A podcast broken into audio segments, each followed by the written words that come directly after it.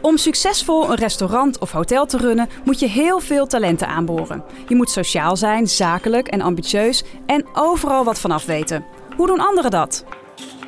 In de Horeca Talentportretten gluren we ongegeneerd bij de buren. In elke aflevering spreken we jong, succesvol horecatalent over zijn of haar aanpak. Ze geven hun beste tips. Stem je menukaart en je inkoop af op je markt. Kijk goed naar je stad, naar je omgeving en luister goed naar je gasten. En ga niet elke trend klakkeloos implementeren in je bedrijf. Plezier op de werkvloer is ontzettend belangrijk. En zorg voor een informele werksfeer om je gastenbeleving op een hoog niveau te krijgen.